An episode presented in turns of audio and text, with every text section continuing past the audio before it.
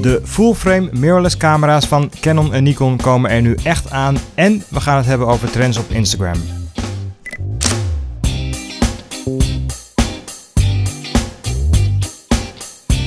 Het is maandag 9 juli 2018. Je luistert naar Fotostories, de eerste Nederlandse podcast over fotografie. Ik ben Gijs Koning en dit is aflevering 5 met daarin fotonieuws. En we gaan praten over trends en originaliteit en inspiratie. En het goede nieuws is dat de podcast vanaf nu ook te horen is op Spotify. De link kan je vinden op mijn website dekoning.nl slash podcast. Je kan natuurlijk ook luisteren via iTunes en Apple Podcasts of via Google Podcasts en via heel veel andere platforms. Je kan dus op de website ook die links vinden. En waar je ook luistert, je kan me helpen door een reactie achter te laten of een positieve rating te geven, zodat meer mensen de podcast kunnen vinden. Daarnaast kan je ook mailen naar podcast.dekoning.nl met vragen, tips en opmerkingen.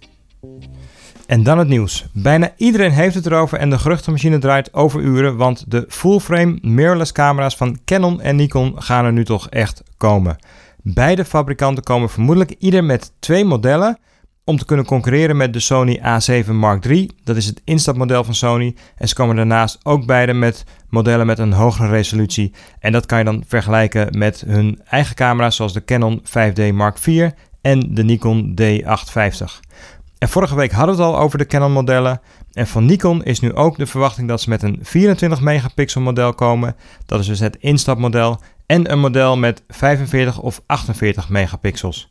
De camera's zouden een body krijgen die vergelijkbaar is ongeveer het formaat en het gewicht van de Sony A7 camera's, maar Nikon zou werken aan een betere ergonomie. Verder zou er in-body stabilisatie in de camera's zitten, schieten ze met 9 frames per seconde en kunnen ze video opnemen in 4K kwaliteit. Ook zouden de camera's een 3.6 megapixel elektronische zoeker krijgen. Ja, en dat is dus het grote verschil met een traditionele spiegelreflex. Daar zit een optische zoeker in en een mirrorless heeft dus een elektronische zoeker. Dat is eigenlijk gewoon een heel klein beeldschermpje die uh, in de camera zit ingebouwd. Als je door de zoeker kijkt, dan kijk je dus naar dat beeldscherm. Heeft veel voordelen, heeft wellicht ook nadelen. Maar als ik kijk naar de huidige elektronische zoekers die in de Sony-camera zitten, in de Panasonic G9. Um, ja, dat zijn onwijs goede zoekers, hoge resolutie. Het mooie is ook, als er weinig licht is, dan zie je toch heel veel door die zoeker. En met die zoeker zie je ook gelijk het eindresultaat van je foto. En je hoeft dus veel minder vaak te kijken hoe is mijn foto, hoe ziet mijn foto uiteindelijk eruit. In die elektronische zoeker zie je gelijk hoe je belichting is, hoe je witbalans is, hoe je scherpte is. Nou, die Nikon-camera's die komen met een nieuwe lensmount. En Nikon zou daarom ook direct drie nieuwe lenzen introduceren. En het gerucht dat ik daarover lees is dat het een 2470 f4 zoomlens is. En daarnaast zouden ze een 35 en een 50 mm lens gaan maken. En vermoedelijk is dat een f1.4 of een f1.8. Nou, die lensmount is zo ontwikkeld dat er lenzen tot f0.95 gemaakt kunnen worden. En dat is iets dat met de huidige opening van de Nikon F-mount lastig te realiseren is, heb ik me laten vertellen. Dus dat biedt heel veel mogelijkheden tot nieuwe lenzen. Nou, daarnaast is er de verwachting dat Nikon een adapter gaat leveren om bestaande f-mount lenzen te gebruiken op de nieuwe camera's, om zo die overstap op een nieuw systeem makkelijker te maken, terwijl ze nieuwe lenzen voor dit systeem op de markt gaan brengen. En, en de geruchten gaan dat Nikon bezig is met de ontwikkeling van heel veel nieuwe lenzen. Nou, over de prijs durf ik niet echt veel te zeggen, maar ik gok dat het 24 megapixel model ongeveer zo'n 2000 tot 2500 euro zal zijn. Dat is dus vergelijkbaar en dan concurrerend met die Sony A7 Mark III. En dat 45 megapixel model, ik denk dat het dezelfde prijs krijgt ongeveer als een Nikon D850. En dan moet je dus denken aan zo'n 3500 tot 4000 euro. Nou, ik lees geruchten dat Nikon eind juli of begin augustus die nieuwe camera's bekend zal maken. Of dat echt gaat gebeuren, weet ik niet, maar op de fotokina in september zullen ze vermoedelijk wel te zien zijn. Ja, en Canon komt dus ook met twee modellen, waaronder ook een 24 megapixel model en een 30 megapixel model. Wanneer deze exact bekend worden gemaakt is onduidelijk. Dat zou dus ook tijdens Fotokina kunnen zijn in september, maar wellicht ook later dit jaar. Ja, en dat was voor deze week het nieuws. En dan ga ik verder met een hele interessante voicemail die ik kreeg van Charlotte van der Willik. En Charlotte vraagt zich hardop af wat te doen met trends op Instagram en hoe je je eigen originaliteit in je foto's kan stoppen. Laten we even luisteren naar haar verhaal. Er zijn op, op het moment steeds meer trends die komen in de fotografie die iedereen wil proberen. Nu het zomer is en vaak ook wel lekker weer, gaan mensen allemaal volop foto's maken tijdens golden hour. Deze trends zul je dan ook alleen bijna maar in de zomer zien. Maar hey, het komt wel elke zomer terug en ik krijg ook het idee dat steeds meer terugkomt. Dan is er ook nog de trend, ja, die kan je bijna niet meer overslaan, is toch wel Brandon Woefel met alle lichtjes. Hij maakt dus allemaal foto's van modellen met verschillende lichtjes en ook dan nog eens met een bril erbij, dat alles weer kaatst. Ja, met welke lichtjes allemaal? Dat kunnen fairy lights zijn, neonlichten bij verschillende winkels, echt noem het maar op. Hij bewerkt zijn foto's dan ook zo dat het licht er echt uitknalt. Veel meer mensen zijn er nu ook bezig met fairy lights hartstikke leuk om te doen. Ik probeer het met kerst en dan kun je er echt wel wat leuks van maken. Maar als ik online kijk of op social media, zie je heel veel Golden Hour Brandon Woefel inspiratiefoto's. Nogmaals, wel erg leuk om te zien. Maar ik ben toch meer geneigd om te gaan kijken naar fotografen die net alles even wat anders doen. Dat kan uh, extreme make-up zijn of uh, net een foto van een hele aparte hoek maken. Ik zelf werk uh, heel graag met natuur en vooral met bloemen. En er zijn dan nu mensen die werkelijk een foto van mij kunnen herkennen. Gewoon omdat er een bepaalde bloem in zit. Of uh, als ik ergens uh, ben waar je totaal geen bloemen kan vinden en ik zie ze, dan gaat het op de foto staan. Dan was er ook laatst een uh, evenement waar ik was geweest, een tijdje terug. En toen hadden we alle mensen hadden we verzameld.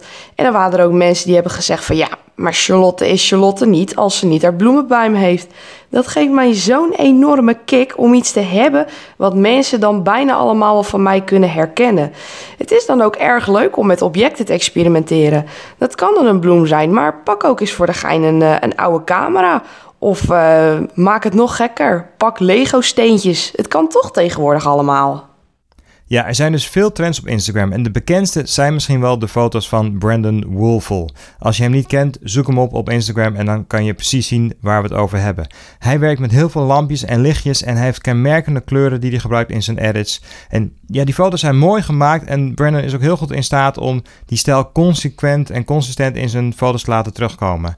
En natuurlijk is het heel leuk om te proberen om dergelijke foto's na te maken. En het is ook een goede oefening om vanuit een idee of een concept te gaan werken en dan naar dit eindresultaat toe te gaan werken.